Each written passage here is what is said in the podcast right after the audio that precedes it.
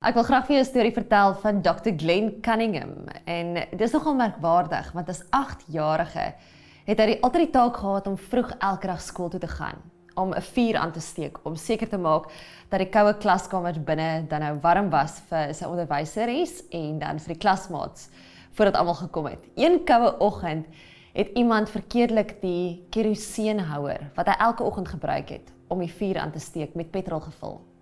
En 'n ramp hierdie skool getref. Met die aankoms van die klas um, en die onderwyser was die skoolgebou in vlamme gehul. En vreesbevange het hulle die gebou binne gestorm en daar geslaag om 'n onbewuste Glen uit die gebou te sleep. Hy is toe na 'n naby geleë country hospitaal geneem waar hy geen kans op lewe gehad het. Dokters het gesê dit is die einde.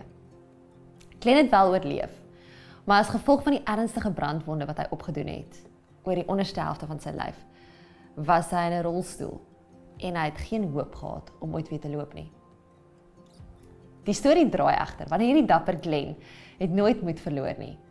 Hy het met 'n groot gesukkel het hy homself daagliks vir maande aan een uit sy rolstoel uit letterlik gegooi, homself tot teen die heining gesleep en dan dit gebruik as 'n steunpilaar om weer te leer loop.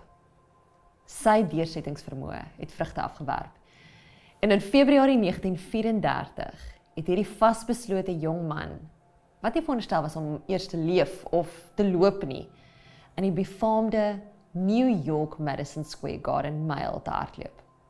Hy het dit in 4 minute en 8 sekondes gehardloop. die wêreld se vinnigste binneshuise myl.